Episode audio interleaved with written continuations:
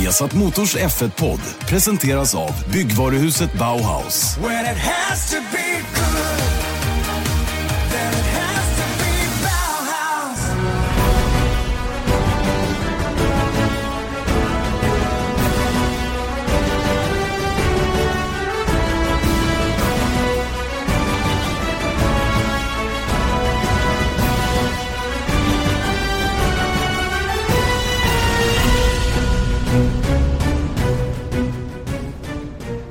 Hallå, mycket välkomna till eh, Formel 1-podden. Formel 1-podden som ni eh, alltid hör på vsatsport.se, på Acast eller på iTunes. Och eh, Formel 1-podden sitter idag i ett fantastiskt solsken en eftermiddag i eh, nordvästra Italien får man väl ändå säga att vi är i. Eh, lite bit norr om Pisa i lilla Viareggio. Där eh, sitter jag på en balkong just nu och lapar i mig av den här vårsommarsolen. Eh, dagens gäst, veckans gäst i F1-podden heter Magnus Lampert, välkommen. Tack så mycket. Magnus är förbundskapten för eh, bilsportlandslaget och eh, varför vi är här det kan vi komma till om en liten stund men, men först och främst din roll som förbundskapten, beskriv den, hur, hur går det till? Är du som Erik Hamrén eller? Nej, den frågan får man ganska ofta kan jag säga. Men det är ganska långt ifrån eh, Hamrén skulle jag känna, eh, säga. Eh, För det första så, eh, om man jämför då bilsport med fotboll, så är det ju så att Hamrén tar ju ut ett lag som ska spela eller tävla för han. Medans eh, i bilsporten så har man ju redan sitt team, man tävlar redan och man gör sina prestationer på på egen hand kan man kalla det lite grann. Men eh, vi tar alltså egentligen ut och supportar de som är, som vi tror är de bästa i Sverige i, i, de, i de grenar som vi har landslag då. Hur, hur tar ni reda på vilka som är bäst då? Eh, för det första så har vi ju ett uttagningsläger som vi har haft i två år nu sedan jag tog över eh, och eh, där tittar vi på fysisk status, mental status, lite grann uppbackning, vad man ja, vad, vad förarna har för, för uppbackning bakom sig, sponsorer men, men också andra folk runt omkring sig för att eh, och sen hu- hur man har tävlat eh, såklart och, och gjort resultat under de eh, senaste åren. Det är roligt att du tar det sist. Jag hade gärna satt det först. Hur bra man presterar och vilka resultat man gör. Hur, är det där i en rangordning som du räknade upp eller är det bara delar utav ett, ett helhetskoncept? Ja, det där är delar ur ett helhetskoncept och man kan väl säga att så har man väl gjort för eh, att man faktiskt har tittat på bara eh, körresultat, eh, skulle jag säga. Medan vi har börjat öppna upp lite mer för för den idrottsliga delen i bilsport och eh, jag menar det är jätteviktigt om hur man har tävlat förut, absolut. Men sen finns det också talang som jag kanske inte gillar just ordet, men alltså eh, hur duktig man är på att köra och, och vad man har för, för uppbackning är ju extremt viktigt för att lyckas i framtiden. Så att vi tittar på många olika parametrar och det, det tycker jag gör det spännande. Det är ett svårt jobb. Mycket skulle jag vilja säga. Eh, Framförallt eh, eftersom jag inte kommer från motorsporten från början så är det folket runt omkring mig extremt viktigt. Eh, För det första för att lära mig själv, men också för att göra bra och rätt saker för, för förarna. Vad har du för bakgrund? Jag har i idrottsligt så har jag dansat SM och jag har även spelat fotboll på division 2-nivå. Eh, Varit nosat på division 1 Eh, och sen har jag en tränarutbildning på, på högskolenivå i tre år. Och då undrar man ju lite försiktigt hur en dansande fotbollsspelare blir förbundskapten för bilsportlandslaget. Ja, eh, det är en eh, rolig historia. Eh, jag gillar ju att träna ganska mycket så att jag var på eh, vårt lokala gym i Hudiksvall där jag bor och träffade då eh, 2011 tror jag att det var. Eh, träffade jag Patrik Flodin som då tävlade i Grupp N för Lukoil. I rally ja. I rally, Mm. precis. Ehm, och vi eh, började prata, vi är barndomsvänner så vi har umgåtts när vi var yngre. Eh, en galning på täkterna med fyrhjuling och folkracebilar och motorcyklar. Kommer jag ihåg honom som, och mycket riktigt så tävlade han i rally då. Jag ehm, började hjälpa honom mentalt och fysiskt och eh, genom honom så träffade jag både Maria Andersson, hans kartläsare och Din eh, företrädare. för, ja precis, min företrädare och även dåvarande förbundskapten eh, Anders Davidsson i, i Portugal där jag gjorde lite pulstester och så. Så på den vägen är det liksom. Jag började intressera mig av det mentala i bilsporten och även fysiska eftersom jag gjorde pulstester såklart. Eh, och skrev en C-uppsats om mental träning eh, i, i golf, fotboll och rally. Och det utmynnade sedermera då i att du fick en anställning på förbundet som jag förstår det. Precis, det är lite uppdelat och en eh, lång historia egentligen men jag fick en anställning på 80% i sju månader för att ta fram en kravprofil, alltså egentligen lite grann kolla vad som krävs rent fysiskt eh, för att, vara en toppförare. Så jag började involveras i eh, de här så kallade landslagslägren som var då, då på Bosön. Väldigt ah, kontinuerligt, kontinuerligt kan man väl inte säga kanske att det var, men i alla fall att man gjorde mycket saker på Bosön var i alla fall säkert och där fick jag börja ta över och, och på den vägen är det liksom också. Så sju månader gick och sedan vart det inte så mycket mer. Eh, utan då fick jag hjälpa till lite grann rent eh, konsultmässigt, men också sen fick jag möjligheten att, att arbeta senare när Maria slutar och, och, och vart förfrågad och ta över den här rollen medan man gjorde om organisationen. Eh, och eh, nu har du varit förbundskapten sedan hur länge?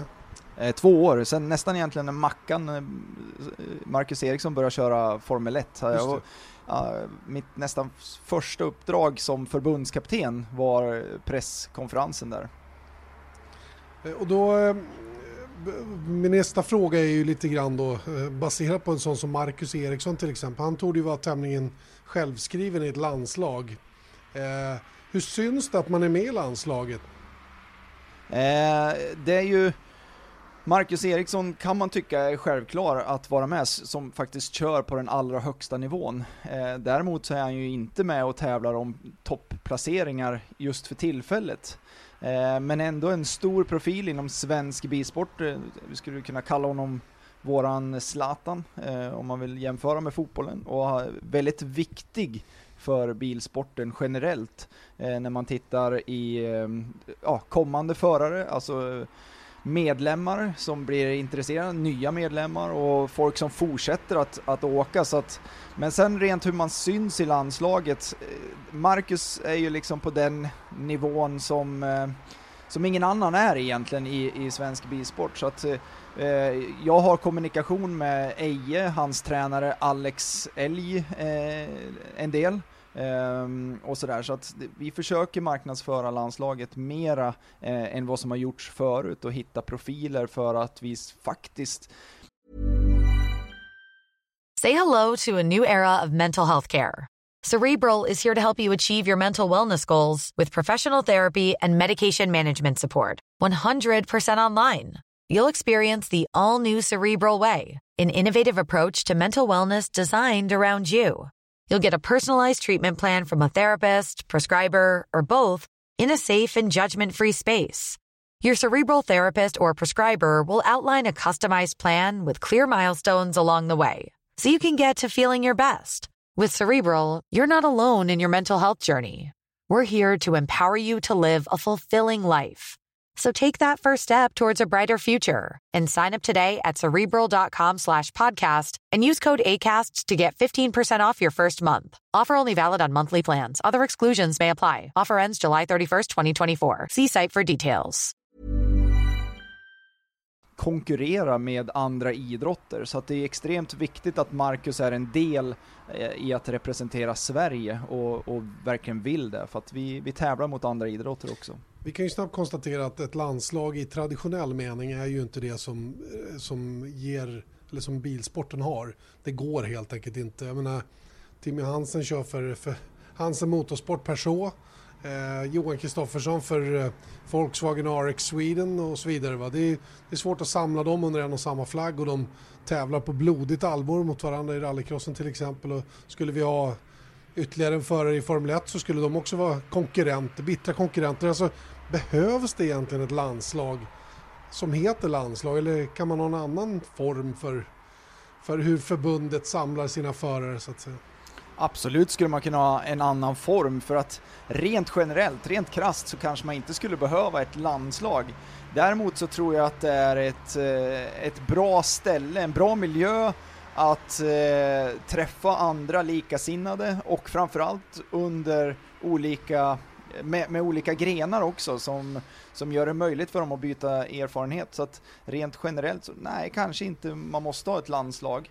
Eh, men som jag sa tidigare, vi tävlar mot andra idrotter. Om vi tittar på Idrottsgalan till exempel, där vi inte får priser trots fantastiska äh, prestationer, så är det extremt viktigt att vara ett landslag, en, en representant för Sverige, då generellt, alltså rent gemene man tycker om landslag. Och det vore ju en, en härlig dröm att i framtiden ha svenska bilar, blågula bilar Eh, I, I vilken gren spelar egentligen ingen roll, men det är min dröm och, och det är dags att börja liksom lobba hårdare för det. Blågult inte bara i Formel 1 alltså? Nej, precis. Det är det ju redan, så det är bara tack och ta emot.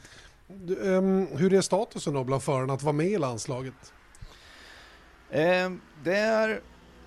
Det är både och skulle jag vilja säga. Det är inte som att vara med i, i, i vilken annan his, generell idrott, utan det är kanske mer Ja, det är inte så stort än så länge. Eh, även om det ändras under de två senaste åren och eh, man börjar förstå värdet av att, att vara en svensk representant på det sättet. Och att vi faktiskt har gjort lite andra, en, en annan synving, eller liksom en annan Eh, Eh, vinkel på att göra läger så att vi gör mer körläger med standardbilar och lite mer avancerade bilar eh, för att skapa erfarenhetsutbyte. Så att just där tror jag att det börjar bli lite förändring. Då behöver inte säga namnet, eh, men det finns de förare som säger att förr så ja, försökte man hitta anledningar till att inte vara med på läger medan man nu faktiskt avbokar det man har, har framför sig för att vara med, för så, så bra börjar det bli. Så läst, det är lite ledsamt att höra faktiskt att, att man har den eller har haft den attityden och jag har ju varit med några år också och vet att den generella uppfattningen om Svenska Bilsportförbundet är att de, de har inte betytt någonting egentligen för förarnas respektive karriärer runt om i Sverige och det här är någonting som jag uppfattar att du ändå vill försöka ändra på. Eh, när jag gick skolan så kommer jag ihåg att min största dröm var att få jobba med utbildning och utveckling och det är väl egentligen de ord som jag använder oftast. Eh, kanske lite tjatigt men någon extremt viktigt ändå. Eh, och det är det jag vill, utbilda unga förare som vill framåt. Eh, så att det är ju det är det någonstans vi måste jobba med. Eh, så att jag känner verkligen att vi, vi är på väg åt rätt håll och att juniorerna börjar se upp till seniorerna och man börjar förstå liksom att det är ett landslag och sådär. Så att jag tror att vi, vi är på rätt väg. Hur, finns det någon plan för att använda landslaget som en, som en produkt att sälja till näringslivet också? För det är ju också en sak som jag från sidan kan uppleva som en liten brist att svenska fotbollslandslaget får x antal tiotals miljoner av Svenska Spel varje år och jag vet SBF, vad drar ni in? Några, ja, kanske upp mot en miljon eller vad det kan vara? Eh, absolut. Eh, SMSC var ju liksom ett försök till att lyckas eh, få in en stor summa. Eh, vilket kanske inte gick som man ville. Det var ju före min tid. Ehm, och all heder åt det, men vi har väl liksom börjat titta på andra lösningar och kanske inte har den summan som som andra eh, idrotter har. Men däremot så tror jag liksom att vi måste vara lite mer ödmjuka och, och, kanske börja med den här produkten som du pratar om och att eh, eftersom man inte haft den eh, ja, lojaliteten, om man ska säga så, som förare tidigare, eh, så har det varit svårt att sälja också. Men nu tror jag att vi vänder på det lite grann, kan få med oss eh, näringslivet på ett lite bättre sätt. Men eh, sen är det ju så att fotbollen, de är ju sjukt många fler än vad vi är, rent medlemmar och eh, visuellt i eh, TV också, så att det får man ju inte glömma. Så att jag tror att vi gör ett ganska hårt arbete både inom förbundet just nu, både med SVT och, och våran egen kanal som inte liksom är jättestor än, men vi, vi är på väg uppåt. Så att jag tror att det är liksom den synen som du har, eller har haft, eh, är, finns ingrodd hos många. Men genom den här podden, andra intervjuer, lite andra kanaler så tror jag att vi är på väg tillsammans med våra förare som, eh, som skriver att de är med i, i svensk landslag. Det, det är stort. Är, det- är det samma känsla i hela förbundet? Känner ni att ni drar åt samma håll? Alltså är ni, hur det än är så alltså, är ju den här sporten som, som du och jag är involverade i, det är den kanske mest pengakrävande av alla. Och ändå är det ett av de mindre förbunden rent omsättningsmässigt i hela RF. Eh, absolut. Eh, det, jag ser det som att vi, vi behöver ju titta på en förändring rent ekonomiskt in till förbundet. Men jag, jag, jag, min dröm som sagt är att ha en blågul bil, absolut.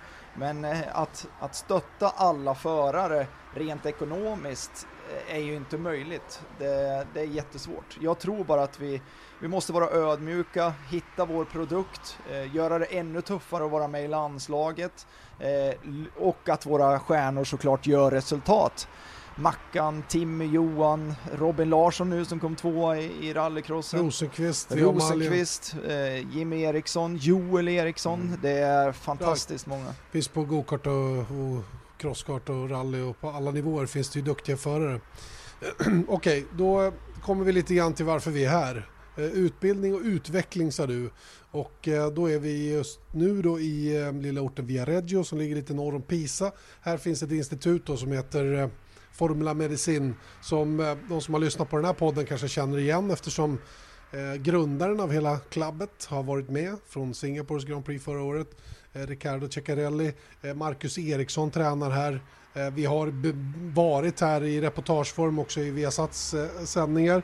Eh, men eh, du fattade lite tycke för det här och blev nyfiken på vad han faktiskt har här nere.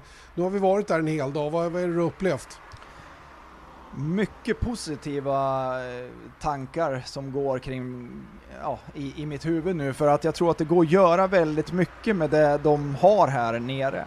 Ehm, för det första så, som jag sa tidigare så har de ju en, eller har vi startat en uttagningsprocess för att eh, göra det lite tuffare men också för att vara ganska säker på vilka vi plockar ut.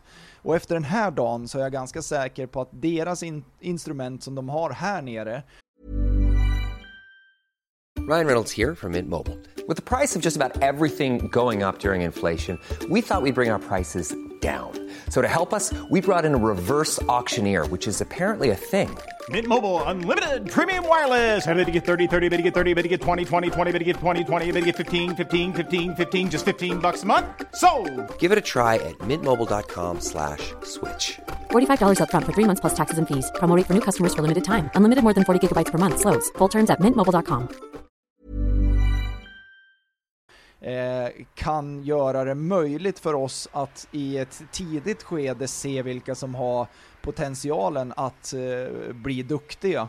Och det, det, just det här ordet talang som vi pratade om tidigare också, det var ju det är något som jag verkligen tycker är hårt arbete och det, det märkte man att här kan man faktiskt eh, sålla de som är beredda att göra det hårda jobbet.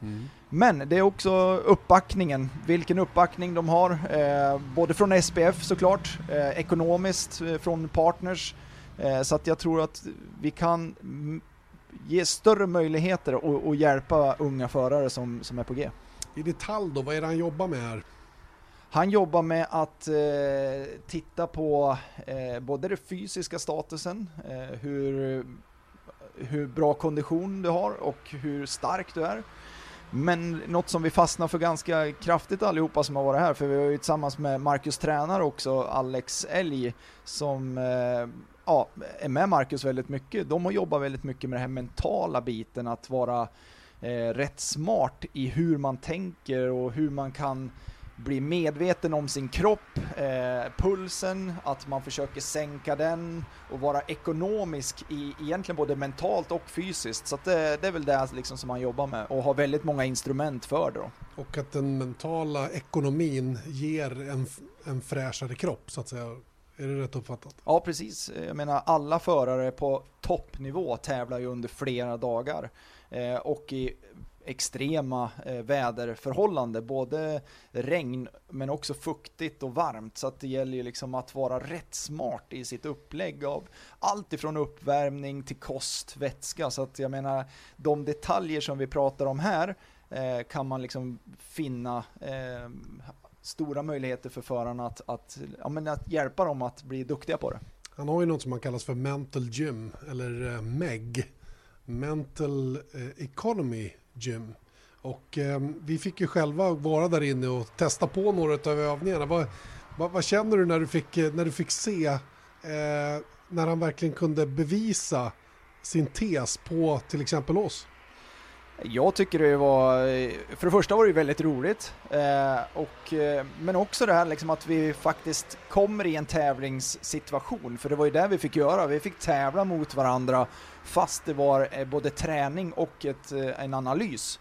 Eh, och det handlar ju alltifrån om att, att läsa färger, om man ska matcha ihop det, trycka sant eller falskt. Det byts väldigt snabbt i, i tanke och koncentration. Eh, han, han har någon eh, mental grej som man har på huvudet och man ska försöka... Vi, vi tar det från början. Vi gjorde ju, vi gjorde, vad blev det, tre övningar va? Ja, tre övningar. Tre övningar. Eh, den första var ju att eh, det var ju jättesvårt, ärligt talat. Vi fick sitta ner i varsin stol med varsin knapptryckare, en i vardera handen. Och sen så kom det då upp varannan sekund, visst var det så? Nej, 1,2 sekunder Ja. var det mellan varje byte. Och då kom det upp en färg som stod, först så stod det svart, men sen så kunde det stå Det kunde vara i blått. i blått ja, och då skulle man trycka falskt. Japp. Eller korrekt. Och det roliga var att de knapparna bytte också. Falskt eller korrekt kunde vara vänster ibland, höger ibland och ibland var det svart som var svart och ibland var det vit som var gul och så vidare. Va? Och det här skulle man då göra i 30 sekunder tror jag det var. Eller Ja, hur? Inte stämmer. mer. Nej, Och, eh, och det här eh, görs samtidigt som man då mäter hur mycket puls vi producerar under den här tiden och det här är ju inte fysiskt. Och det, det är lite dit som han vill komma med sin, sin research och som han har gjort under väldigt många år. Att det, det, är ju, det är ju genom att hålla nere pulsen, för man är nästan trött fysiskt när man har jagat upp sig och är alldeles för ja, överladdad kan man säga för att göra en sån här övning. Ja, han har gjort tester på över 900 förare, vilket är en enorm databank. Eh, och det gör det ju också möjligt att analysera genom olika grenar, men också genom olika förare, åldrar, ser man ju väldigt stor skillnad på. Eh, man ser, han har gjort väldigt mycket tester på hjärnans aktivitet under de här äh, omständigheterna och det är ju det som skiljer en rutinerad förare till en kanske yngre förare. Och det är där det blir någonstans intressant att faktiskt istället för att det ska ta lång tid att bli rutinerad så kan man med de här träningsmetoderna och analyserna göra en 16-17-åring mycket 30 mer år mentalt. 30 år mentalt rutinerad. Ja, det är lite fränt faktiskt. Och, det, och den här researchen har han gjort och, och hur han fick reda på att det faktiskt skiljer mellan racerförare och typ vanliga människor, eller studenter var det i det här fallet då, i samma ålderskategori var ju att de gjorde samma övningar och det skilde ingenting i prestationen. Men när man gjorde en, en MRT på dem då, så att säga, en magnetröntgen av hjärnan, så kunde man se då att vissa partier i studenternas huvud var mycket, mycket mer aktiverade än det var på racerföraren då, trots att man gjorde samma övning. Och det är ju rätt talande för vad man försöker uppnå eh, på en racerförare då i förhållande till en vanlig människa och det som en ung förare behöver träna på redan i tidig ålder då för att slippa göra massa misstag i onödan. Precis. Eh, sen gjorde vi en annan övning som var, det var ju skitkul de här övningarna i det här. Mental Economy Gym. Det är ju ett fantastiskt namn. Eh, Han pratar ju om det vanliga fysiska gymmet och om det mentala gymmet. Och det, det kändes som om man var på ett mentalt gym också. Eh, nästa övning var, där var inte jag med för att mitt knä pallade inte det, men ni står på en eh, ni står på en, eh, en gungbräda kan man säga, eller en bräda, en sån här balansbräda. En balansbräda fast den gungar bara åt två håll. Två håll ja. Och sen fick uppdraget var ju, ni har fortfarande pulsband på er, att hålla pulsen så låg och vingla så lite som möjligt. Och det roliga är att via den här programvaran som man har tagit fram och eh, utvecklat själv så kunde man se på skärmen hur väl ni presterade. Otroligt egentligen och, och det syntes ju oerhört tydligt att du var, oerhört, du var jätteskicklig på det här och lyckades till slut få ner pulsen mot slutet. Eh, Medan Alex L då hade lite tuffare att, att hålla koll på, på just eh, pulsen under det att han, att han gjorde sin övning. Då. Precis, och där är ju väldigt intressant vad man fokuserar på för någonting. För, för han vann, om man vill kalla det rent, alltså hålla det så rakt som möjligt, men kanske var liksom den som hade högre puls och förmodligen mi- minst ekonomisk. Medan jag kom starkt på slutet och var, var nära att ta honom, men hade en lägre puls i snitt då, så att säga. Så att det var ju Och väldigt, mer ekonomiskt. och mer ekonomisk. Så att i, i det långa loppet så har jag nog vunnit. Vilket är det man är ute efter då med de här övningarna så att säga. Den tredje övningen var, då var jag med igen, för det var inte så fysiskt. Nej. Eh, då satt vi ner och så fick vi någon, eh, någon mätgrej mot, eh, mot huvudet för att mäta hjärnkapacitet på något sätt, jag vet inte hur. Och sen så fick vi order om att fokusera på en enda sak. Han sa det, tänk er en dator där bara ett program är öppet, ingenting annat. Bara en sak fungerar, bara en fil är öppen. Och det här var ju, det var svårt alltså, det var riktigt svårt. Och så fick vi då fem sekunder på oss att typ värma upp innan det drog igång och sen så kom då fick vi varsin ruta där vi kunde se ett streck som vi skulle fokusera på. Och så var det graderat från 100% ner till 0 och det viktiga var att hålla strecket så högt uppe som möjligt. Ju, ju högre procent vi fick desto bättre resultat. Eh, Men, men det intressanta var att så fort man började tänka på att jag måste börja andas också och jag måste liksom, ja, nu måste jag upp den där och man nästan lutar sig rynkade pannan, ja men då gick pulsen upp. Visst, strecket gick upp men pulsen följde med. Och sen så kunde vi då titta efteråt på resultatet och det här var ju helt enkelt att tänka, ett, tänka en, en markering på rätt ställe. Det var jättekonstigt. Ja men precis, och han tog ju likheter med att, att slå av och på sitt fokus. Eh, då man kanske på en raksträcka som racingförare behöver slappna av rent mentalt och vara ekonomisk och spara sig för, inför det som komma skall. Eh, men det är också läskigt för jag tyckte verkligen att det var ganska enkelt i början för jag fokuserar verkligen på en sak. Men andra gången vi körde så börjar man ju tänka på helt andra saker och många andra saker. Och vilket gör att det blir katastrofalt dåligt test och det tyckte jag var läskigt, alltså jävligt bra. Fastän du i själva verket försökte göra det bättre. Eftersom Precis. du hade lärt dig efter första. Precis. Nej, det var märkligt.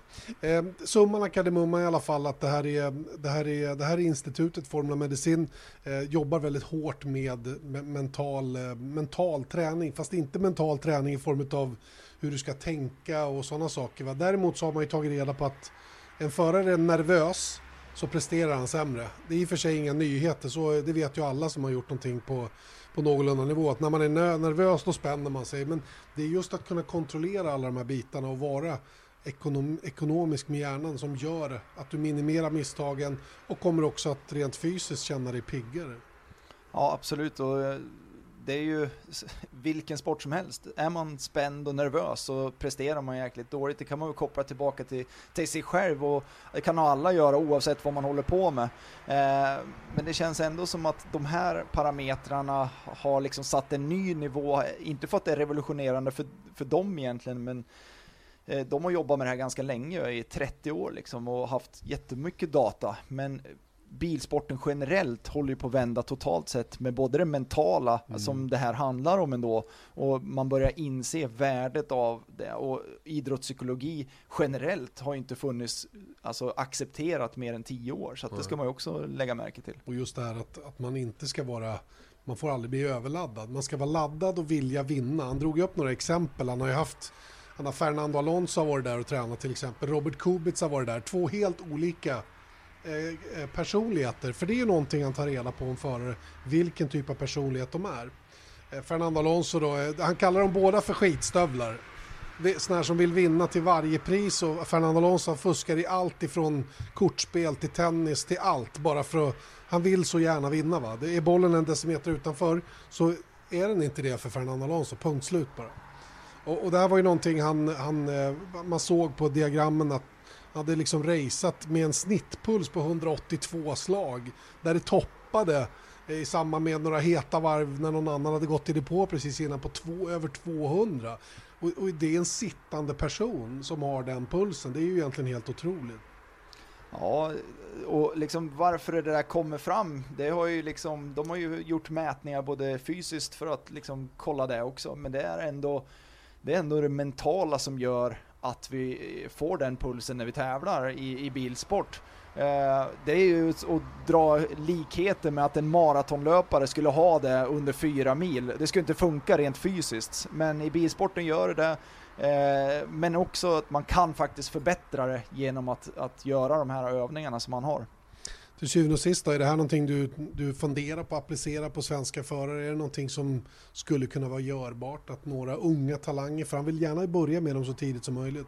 Är det något aktuellt? Självklart, jag har varit intresserad av Formula Medicine redan från Patrik Flodin-tiden när jag började 2011 liksom. Så att, eh, han var här nere här och fick jobba väldigt mycket med andningen och, och hitta sin, sitt lugn. Så att jag har ju velat vara här och borde ha varit här mycket tidigare. Men det känns ändå som att det är rätt i tiden att vara här precis just nu.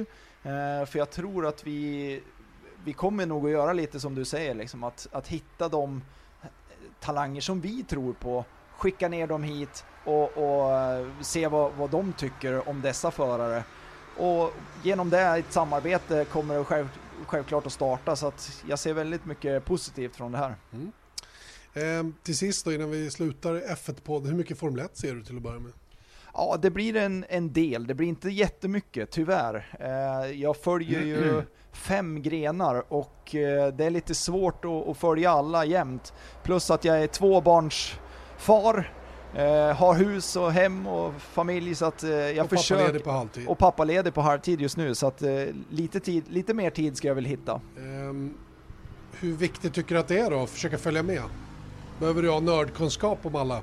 Nej, det tycker jag inte, eh, då jag jobbar med personer runt omkring som har expertisen. Så att det generella får väl jag liksom, jag ska väl se mig själv som spindel i nätet och kanske inte måste veta exakt allting vad de äter och, och sådär, om man, om man inte vill ha hjälp från mig, det vill säga. då. Men eh, annars tycker jag generellt att jag ska ha koll på vilka placeringar och sådär, men kanske inte kan följa alla, för det är bara i Sverige har vi 14 tävlingar per vecka, så att, eh, det är ganska mycket att hålla reda på. Men sen är det inte nationellt också, så jag, jag följer så mycket jag kan. Och vi ska väl säga att du har hjälp av koordinatorer i respektive gren för att hjälpa dig att hålla koll på. Det är svårt att åka på alla gokarttävlingar i Sverige till exempel. Eller crosskart, rallycross.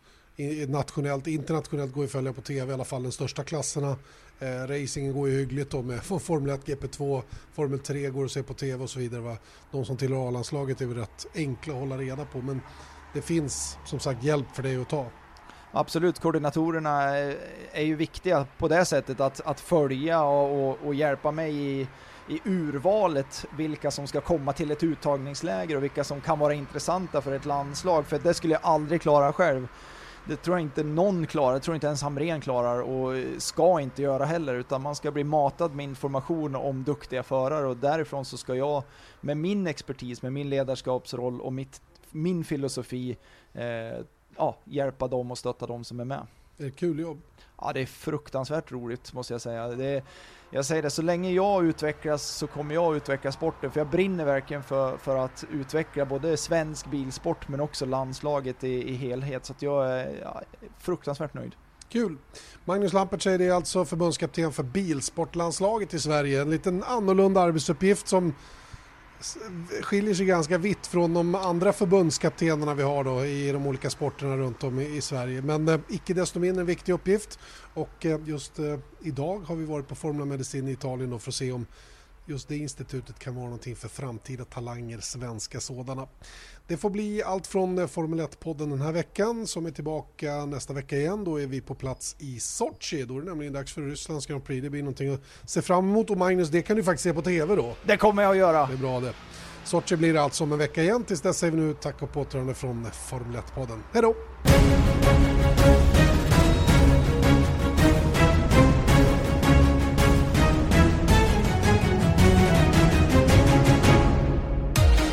Vesat Motors F1-podd presenterades av byggvaruhuset Bauhaus.